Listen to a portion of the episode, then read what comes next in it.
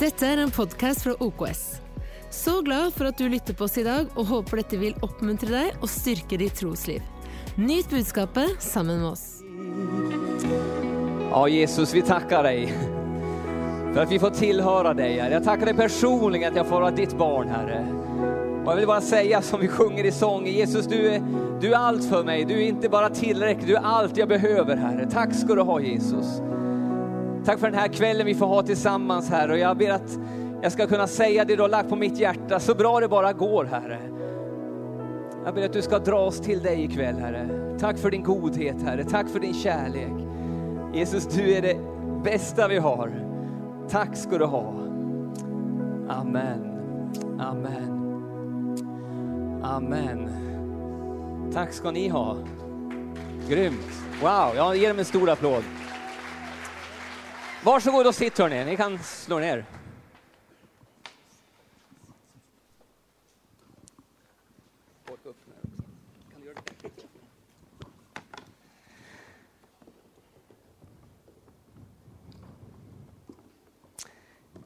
Wow hörni, vilken kväll vi har. Yes! Så tacksam för att vara här, verkligen. Tack Thomas och Katrine för inbjudan att få komma och besöka er och få dela mitt hjärta ikväll och få dela gemenskapen. Jag ser fram emot det och få äta tillsammans. Och, ja, men det, sånt tycker vi om. Jag är väldigt tacksam för att jag lever. Eh, för eh, jag, eh, i natt undkom jag tre stycken atombomber. Jag drömmer varenda natt. Och jag kommer ihåg allt jag drömmer på morgonen. Är det någon mer som har den förmågan? För det är nästan en förmåga. Det är så, tänk om jag kommer ihåg allt jag drömde. Jag gör det. Varenda dag så just det, det var det jag drömde. Och natt var det en mardröm. Alltså det, det kom atombomber överallt. Och jag sprang ifrån, jag överlevde tre stycken. Den fjärde sprängdes inte och jag liksom kom levande ur det. Så jag, jag är väldigt tacksam att jag lever. Verkligen alltså. För då har man lite flax, mer än flax alltså. Man omkommer tre stycken. Åh, oh, det kom en där och nu kommer en till och så vidare. Vi sprang och sprang och sprang. Sen är jag tacksam för att jag är här också, att jag kom ut ur Oslo. Alltså Oslo är ju en fantastisk stad, men den går ju inte att köra bil i. Åh, oh, alltså, du vet, man sitter och kör där och så är man lite kissnödig och så ska man hitta någonstans och ska man ut ur stan. Man känner bara, måtte jag komma ut härifrån någon gång? Vi älskar Oslo, men jag tycker inte om att köra bil i den. Oj, oj, oj. Hörni, jag har en liten annorlunda tema för kvällen som heter More than pimp my life. Ni vet, ni som sett på MTV, det var Pimp My Ride. Jag vet inte om det går fortfarande. Alltså det var ett sånt program där man hade en, en dålig bil som man då pimpade upp så att den vart frän, säger vi på svenska, häftig. Alltså med ny stereo och ny lack. Men det var fortfarande en gammal bil som var lite uppimpad. Lite fränare, lite finare och lite så här. Och eh, det är därifrån det här temat kommer då. Och jag tänker lite, ibland kanske vi tänker så om våra liv också. Tänk om jag bara kunde, och det, det är det vi försöker. Vi är ganska många som har liksom pimpat upp er själva inför den här kvällen. Lite extra. Jag har köpt en ny t-shirt. Mm, ja, man försöker liksom, man vill ju verkligen liksom maxa sig själv lite grann. Och, ja, men det är mycket vi vill göra. Vi vill vara lite rikare lite coolare, lite snyggare, lite mer berest. Man kanske vill ha lite mer frid här inne.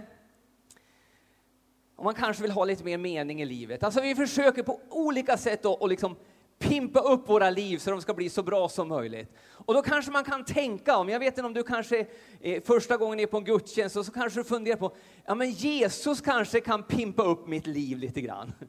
Så att det blir lite bättre, så att Jesus kan liksom pimpa mitt liv lite grann. Eh, jag har dåliga nyheter till dig idag. Jesus är inte i pimpa upp-branschen. Du vet, Jesus han gör någonting mer än det. Han ger ett nytt liv.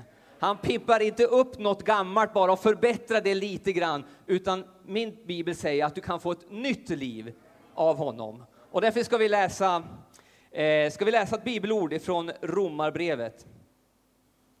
Det står så här. Bryr du dig inte om Guds oändliga godhet, fördragsamhet och tålamod? Förstår du inte att hans godhet vill föra dig till omvändelse? Bibeln talar om att Gud är god och det, det är något punkt som jag kommer tala jättemycket om, så det kommer du komma ihåg. Men innan vi kommer in på det så står det om omvändelse. Alltså omvändelse är att jag är på väg åt det här hållet. Jag kan säga i Oslo fick vi göra ett antal omvändelser. Vi bara liksom, jaha, nej, nu måste vi, aha, jaha, och så vidare. Åh nej, och jag vet inte hur många gånger jag sa åh nej, åh nej, och dit och åh. Men omvändelse är att man är på väg åt ett håll. Men man gör så och så åker man åt andra hållet. Det är omvändelse. En annan parafras på Bibeln, en annan, inte översättning, men liksom en, en variant, så står det så här i The Message. Gud är god, men inte blödig. Han tar oss stadigt vid handen och leder oss med kärlek in i ett nytt liv. Alltså omvändelse, det är liksom något nytt. Gud vill leda oss in i något nytt, ett nytt liv. Inte ett uppimpat, gammalt liv, utan ett nytt liv. Och det är erbjudandet här ikväll. Du kan få ett nytt liv.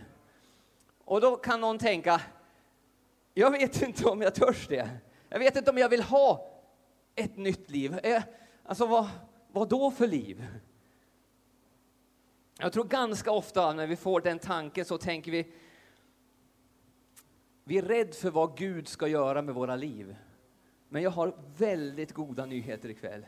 Att Gud är god på riktigt. Det står att Guds godhet vill föra dig till omvändelse. Vi tar dig vid handen och leder in dig i ett nytt liv. Gud är god på riktigt. Och, och det här är en punkt som jag kommer bara tokhamra in här, så du, du kommer veta det när du går härifrån idag.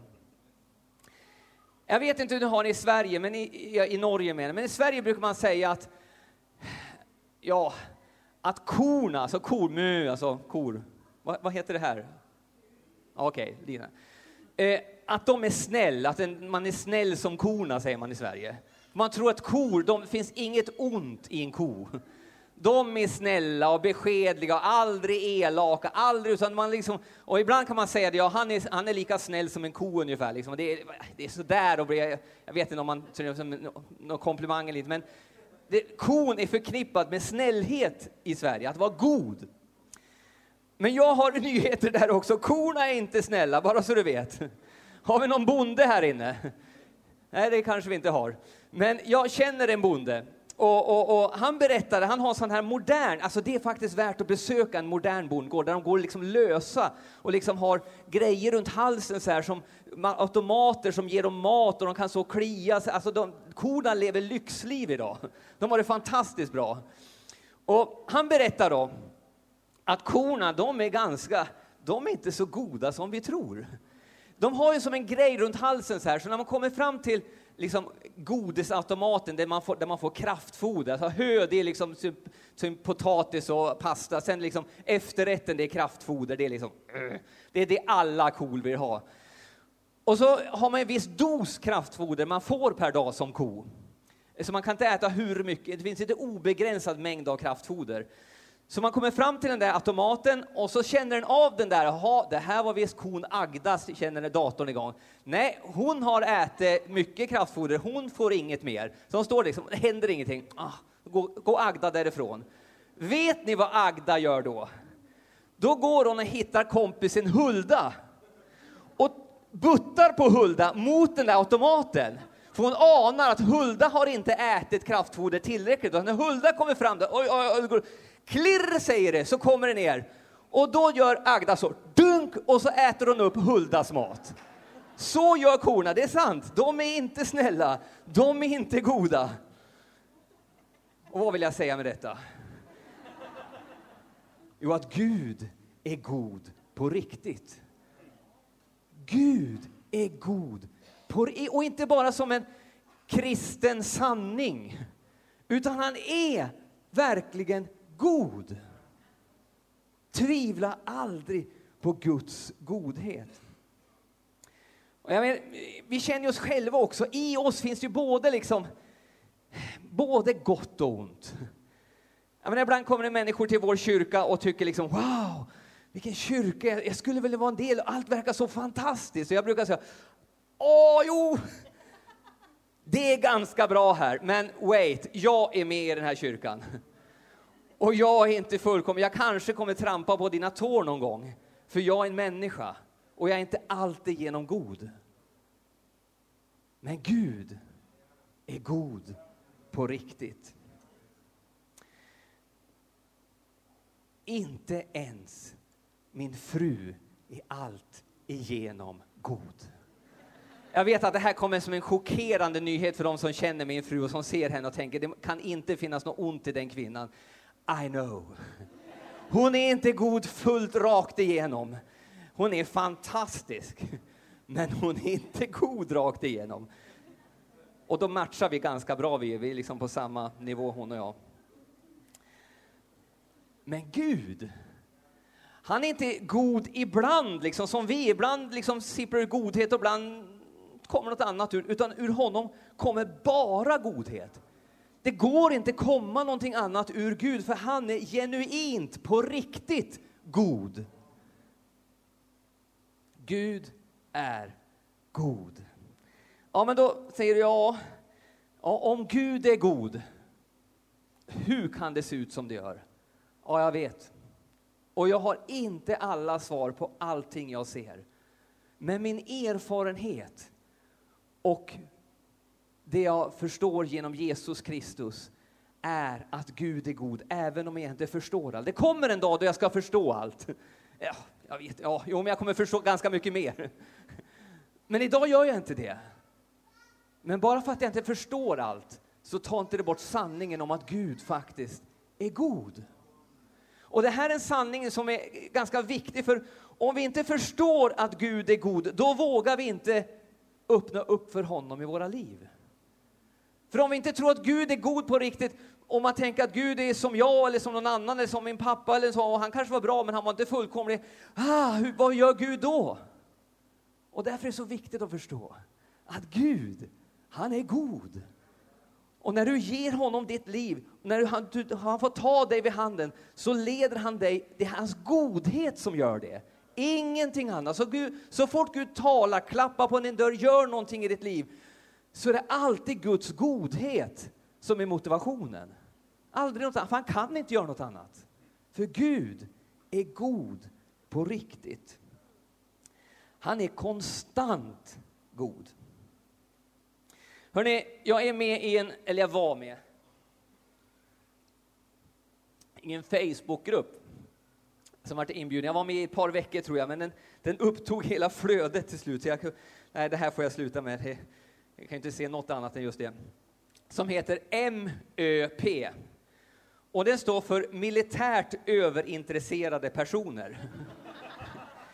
Jag var ute och seglade här i, i nio, nio härliga dygn med en kompis och han insåg att Staffan, du borde vara med i den gruppen. Det är liksom våra samtal rörde sig omkring en del saker. Du är militärt överintresserad person. Det är inte så att jag älskar krig på något sätt.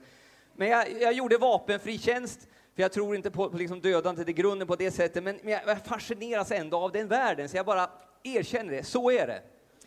Och... Eh, så jag har lite sådana, liksom, ja, men jag, jag, kan snöa in på, liksom, på Youtube om man ska titta, men det, det bästa stridsflygplanet just nu, liksom. vilket är det? Det är ju viktigt att veta. Va? Det är ju liksom, JASen är bra, men, men eh, Raptor F22, den, ah, den är ju liksom topp och så vidare. Och så börjar kineserna, alltså förstå, det är jättesnöigt. Det är ju, eh, alltså, hur kan man snöa in på sånt? I don't know, men sån, det är bara så. Och jag har ju en, alltså någon gång, om jag kommer till, till USA, till New York, så finns det ju ett hangarfartyg där som man kan besöka. Och det är lite av en sån här dröm. Tänk att få besöka ett hangarfartyg. Visst är det en dröm för oss alla? Tänk vad underbart, en hel dag på ett hangarfartyg och bara få gå liksom och titta. Ja, men, men fatta, de är liksom 300 meter långa, det är liksom tre fotbollsplaner och jättebreda, och så bor det några tusen där och det finns bio, och så det finns, allt finns där och så alla plan. Alltså jag ska bara... Ah. Ja, men det vore ju fantastiskt. Vi har faktiskt en bild på ett hangarfartyg här. Där har vi det. Och det, nu tänker du, hur ska han få ihop det här med predikan? Ja, vänta. Det finns en story som jag tror är sann faktiskt. Om ett hangarfartyg som får ett meddelande via radion eh, på spanska och jag kan inte spanska så jag har översatt allt till svenska här. Då står det så här. Fartyget får det här meddelandet. Det här är A 853. Du är på väg rakt emot oss. Korrigera din kurs med 15 grader för att undvika kollision. Hangarfartyget svarar, vi uppmanar dig att ändra din kurs 15 grader. Negativ får han tillbaks igen i radion. Du måste ändra din kurs med 15 grader. Svarar hangarfartyget. Det här är kaptenen på USA Navy skepp. Ändra din kurs 15 grader. Svaret kommer tillbaks. Vi anser inte det vara möjligt. Ändra din kurs 15 grader. Då tar han i. Det här är kaptenen på USAs näst största hangarfartyg. Vi är eskorterade med två slagskepp, sex jagare, fem kryssare, fyra ubåtar. Vi är på väg till Irak. Ändra din kurs 15 grader. Flytta på dig! Svaret kommer. Det här är Juan Manuel. Vi är två personer som är eskorterade av vår hund, vår mat, två öl, en kanariefågel som ofta sover. Vi flyttar oss ingenstans eftersom vi står på land. Vi är fyr A853 och står på Galatians kust. Ändra kurs 15 grader så att du inte kolliderar in i klipporna. Okej, okay, uppfattat.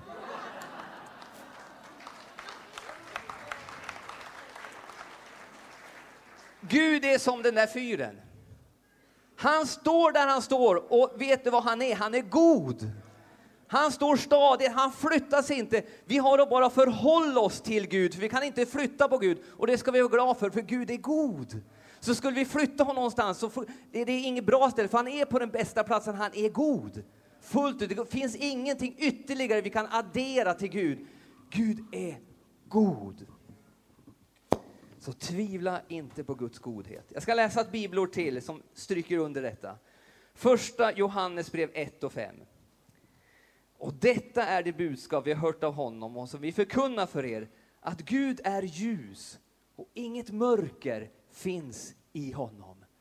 Gud är inte grumlig på något sätt, lite halv så här, utan Gud är ljus. Det finns inget, inget mörker i honom. Så tvivla inte på Guds godhet. Tvivla inte på Guds godhet. Hösten 18, alltså hösten som var, så gick jag hem ifrån affären och kände liksom i luften att mm, jag känner igen det här. Alltså den här um, höstluften, jag kände igen stämningen liksom. Så kom jag på, då var det ett år sedan som jag och Marita fick ett besked som var ändrat om ganska mycket i våra liv. Jag hade gått och haft ont i ryggen ganska länge. Eh, ja, ganska länge. Och, och, vad gör man när man har ont i ryggen? Ja, man går till en, en, eh, ja, men kiropraktor, man går till en, en sån här eh, som eh, sjukgymnast och läkare och tränar si, gör så, gör det. Och jag, jag gjorde allt, jag tycker om att träna, så jag tränade exakt så. Och jag märkte det hände ingenting. Det fanns kvar. Och det liksom, jag kände, det, det är något annat liksom. Det här, det här hjälper ju inte. Till slut kom jag till en ny, en ny eh, så här eh, sjukgymnast och, och då sa jag, hörde, alltså jag, jag är lite orolig för en sak. Men min pappa, han dog i, i cancer och det började som ont i ryggen. Eh, jag känner en oro inför det och då sa han, ja men då ska, vi, då ska vi ta en specialröntgen så vi kan liksom bocka av det så vi kan lämna den oron. Så jag åkte in och de gjorde en, en, en röntgen och så tar det ju lite tid. Och väntan är inte så kul. Och inte tycker inte vi heller, så vi satt hemma och så säger min fru att ja, men du kan gå in på 1177, man kan gå in och se sina egna mm, ja, utlåtanden och allt, man kan se det innan läkaren och så vidare. Så jag säger ja, men jag gör väl det. Så jag knappade in personnummer och kom in och så börjar jag läsa. Och så står det metastaser spridning och saker jag inte förstår. Men så mycket förstod jag att det här är inte bra nyheter. Jag gav liksom den här till Marita, alltså läs, hon är, hon är undersköterska, läs vad är det här? Och hon bara... Och så hände någonting i vårt hem som inte hände så ofta. Det vart alldeles tyst hemma i vårt hem. Vi försökte kontakta läkaren och det tar lite tid, så vi, vi hade en hel dag där vi bara satt i varsitt hörn och såg på serier. Ingen torde säga någonting. För vi anar att någonting väntar på oss som, inte, som kommer vara jobbigt. Jag fick tag i läkaren och eh, det började en undersökning direkt. Och det visade sig att jag har eh, skelettcancer som har spridit sig som, är i ryggen och på något annat ställe. Och det har börjat som i, i lungan, så jag har lungcancer som har spridit sig till, till skelettet. Och eh, oerhört tuffa besked. Eh, enligt läkarna inte botbart, utan man fick höra de här orden, vi kan förlänga ditt liv. Hur länge? Jag törs inte säga, sa han. Det jag, du, det jag, jag, du, jag kan inte säga det du vill höra, så han sa inte mycket mer. Och där kom ju en, en tid som vi bara känner, oj, vad, vad händer nu?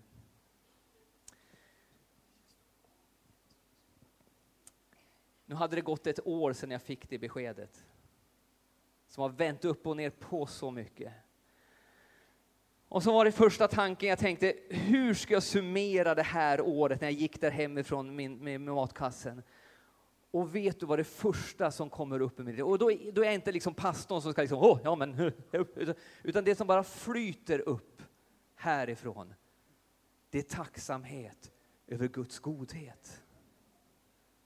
Och det är ingenting jag säger bara för att jag ska säga som pastor, utan det var verkligen, jag varit förvånad själv att det kom så lätt att jag kände, jag är tacksam för att Gud är god på riktigt. Vet, Gud har visat en sån godhet. Och då kan säga, men han, vadå godhet? Han, han gav dig cancer? Nej, han har inte gett mig någon cancer. Vi tror inte på Gud som ger cancer. Vi tror på en, en Gud som kan hela från cancer och som kan leda oss igenom cancern och allt som är mörkt, allt som är svårt. En sån Gud tror vi på. Och vet, vi har upplevt så mycket av Guds godhet, trots de tuffaste året någonsin. Med tuffa besked, åka hit till vår dotter här och berätta att pappa är svårt sjuk. Ta sådana här samtal som när det är jag som ofta har haft hand om, om eh, skicka in räkningen och när Marita, min fru, säger nu vill jag sätta mig och så visa mig hur du gör. Då vet vi båda vad vi pratar om. Men Guds godhet har aldrig svikit oss. Gud har varit så god, vet du. Och vi är så tacksamma. Vi sa det när vi åkte hit också. För nu, du kan tänka, du ser inte sjuk ut. Nej, jag vet. Alltså det, man är ju jätteglad att man bor i Sverige och Norge, och, men framförallt Sverige såklart. Det finns fantastiskt bra mediciner, så just nu känner jag mig inte sjuk och, och de har gått ner på alla ställen och allt detta. Fortfarande inget hopp om, om helt botande på det sättet rent medicinskt, men jag mår fantastiskt bra. Men vi vet att det är väldigt skört. Så vi sa när vi åkte hit, även om, även om nästa röntgen skulle visa att liksom har kommit tillbaka så, så går det inte komma ifrån att det sista vi slutar dagen med, det är ändå att Gud är god. Oavsett vad vi går igenom. Och det, det livet kan du få.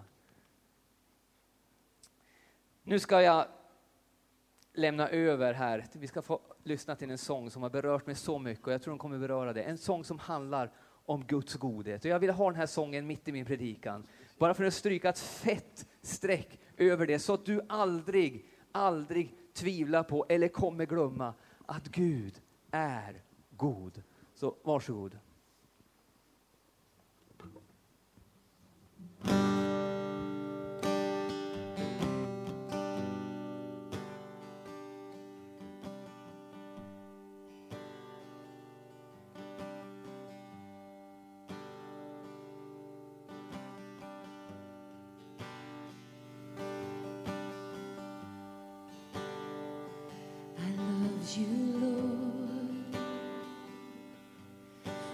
you move.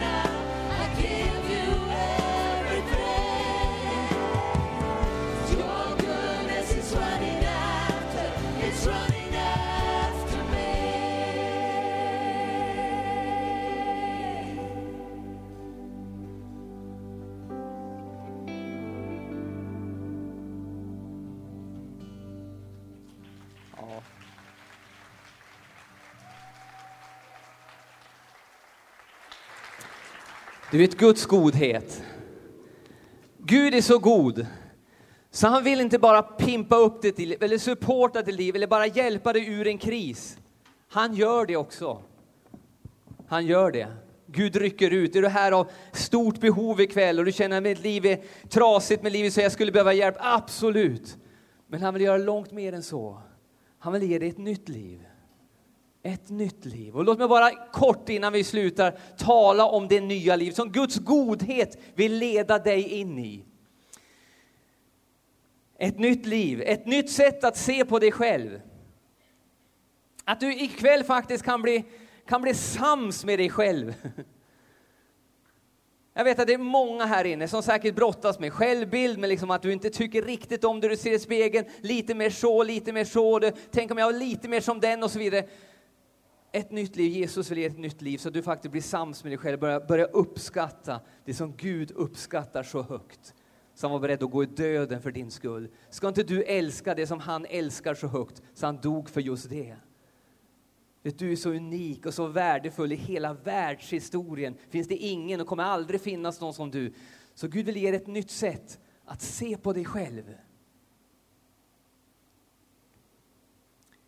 I Sverige talar man ganska mycket om, om skamkulturen, att man, man liksom bara allmänt skäms för sig själv. Du behöver inte skämmas för dig själv. Du kan vara glad och tänka wow, tänk att jag är jag. Gud vill ge ett nytt liv, ett nytt sätt att se på dig själv. Ett nytt sätt också att se på andra människor. Är det någonting vi kämpar med så är det relationer på olika sätt, de som är långt ifrån eller de som är nära. Men Gud vill ge ett nytt sätt att se på andra människor. Att kunna älska människor, att inte vara så het på att dumma människor. Och, eh, jag menar, eh, det är bagateller, men det vet man är ute och kör bil. Och liksom, den idioten! Kanske blir en bättre bilförare. Jag brukar alltid tänka så, alltid, nu låter jag som oj, han med den stora glorian. Men jag brukar tänka så, när, när någon gör den här idiotiska omkörningen, nu pratar vi om petitess, det finns ju viktigare saker i livet, men jag tar det som ett exempel. När någon gör den här idiotiska omkörningen, och man vill liksom så här, så tänker så är det en sån, Staffan, har du aldrig gjort en sån? Ja, men då var det nödvändigt! Eller hur? När du gör någonting så är det alltid nödvändigt. Gud vill ge dig ett nytt sätt att se på andra, då du faktiskt, det är så att man kan överse från människors brister. Man kan se över saker och ting. Man kan förlåta, man kan se människor på ett annat sätt. Man behöver inte reta upp sig på alla människor, man kan älska människan, betjäna människan. Ett nytt sätt att se på andra människor. Så mycket skönare än ständigt bli upprörd över andra. Att bara wow! Att börja se människor på det sätt som Gud ser människor och som han ser på dig. Ett nytt sätt också att se på din existens. Du vet, vi har fostrat upp en, en hel generation, eh, och inte bara en, flera generationer som och vi ska inte diskutera apor och utvecklingar och planeter och universum. Alltså, no way, det gör vi inte ikväll. Men vad man har kommit fram till och vad man, har liksom, vad man tutar i nu, det är att vi kommer inte från någonstans och vi är inte på väg någonstans. Och det är problematiskt.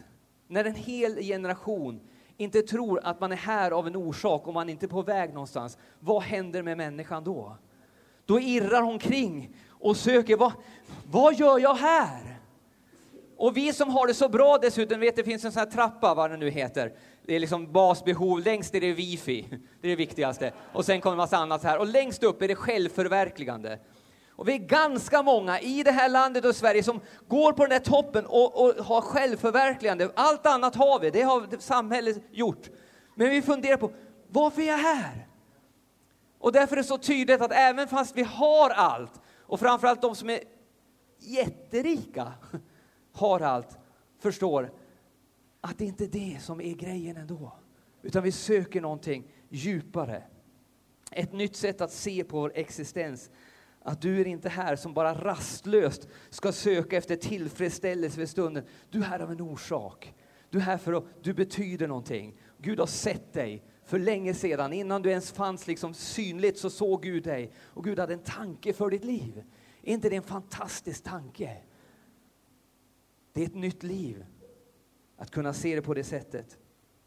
Och du vet, vi är inte här för att bara konsumera. Vi är här för att betjäna och ge. Du, människan mår så mycket bättre av att inte för att dra till sig själv så mår hon så mycket bättre av att betjäna och ge. Och när vi kommer in i det nya livet kommer vi märka, wow, det här är gött. Yes, det är gött för du är gjord för det. Du är skapt för det. Ett nytt liv. Ett nytt liv. Ett nytt sätt att också se på döden. Vet, vi har fått dela mycket med den tanken den senaste tiden, jag och min fru. Och första natten efter beskedet så sov vi ingenting i princip. Min fru sa dagen efter hon satt sig och så bad hon till Gud, om vi ska gå igenom detta nu så kräver jag att vi ska få sova gott. Och sen den bönen så har vi, ja, jag som vanligt, det är tre sekunder sen är jag borta liksom. Gud är god. Ett nytt sätt att se på döden. Du vet, hur skulle du leva ditt liv om du inte var rädd för döden? Fundera på det. För hur den är, mer eller mindre, så påverkas vi av döden. Kanske inte säga, ja, jag är jätteskraj, jag tänker på varenda... Nej, men vi, vi har ändå någon tanke som påverkar oss, att vi har de här 70-80 åren på oss, liksom. sen är det slut. Men tänk om, tänk om man skulle se att det inte var slutet. Hur skulle det förändra de här åren om man visste att det kommer mycket mer? Det ändrar på ganska mycket. Du kan få ett nytt sätt att förhålla dig till döden. Och du faktiskt får frid. Och det har vi märkt den här tiden. När Marita och jag har kämpat på många sätt. Och Wow, tänk att vi, vi har ett hopp som bär på riktigt.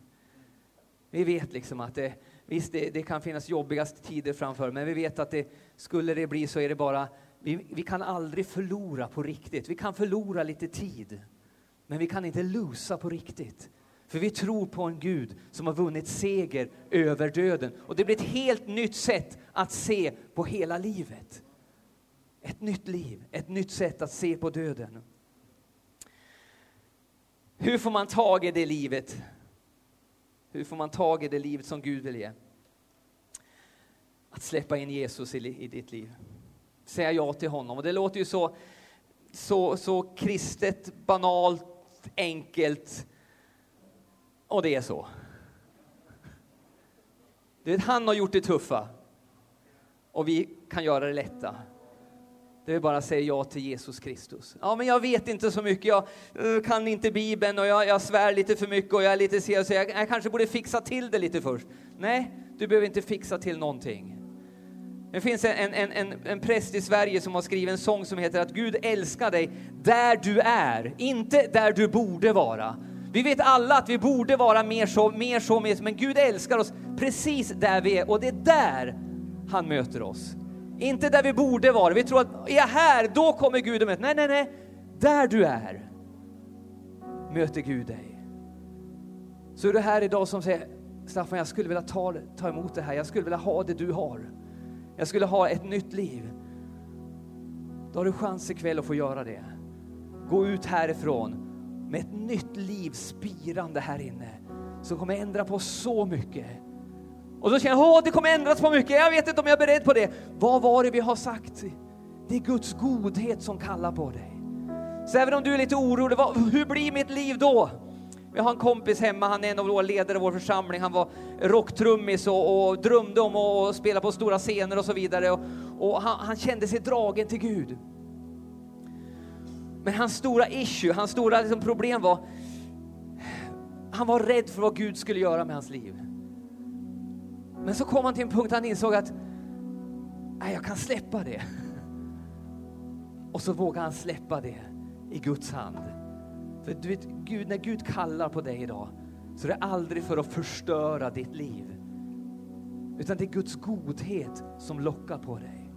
Det är bara Guds godhet som lockar på dig. Och du som kanske har en tro här idag, men också rädd för det. Alltså, ja, jag vet, men jag vill, jag vill, gärna ha Gud som en assistent. Alltså inte assistent, I Sverige kan man baka med en assistent också, men det är inte det vi pratar om. Utan någon som, som en butler, någon som hjälper dig och liksom supportar dig så du kan ropa in när du behöver honom. Och så känner du att Gud säger då, jag vill vara mer än en butler i ditt liv. Jag vill vara herre i ditt liv. Och du känner, uh, uh, vad blir det då liksom? Jag har ju planer, jag har ju tankar, jag har liksom, vad blir det? Det är Guds godhet som kallar på dig, som drar i dig. Det är bara, du behöver aldrig vara rädd för det. Det är bara Guds godhet som lockar dig. Och vet du vad? Gud är god. På riktigt alltså. Riktigt god.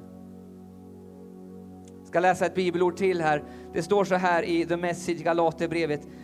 Min värld kretsar inte längre runt mig. Kristus lever inom mig.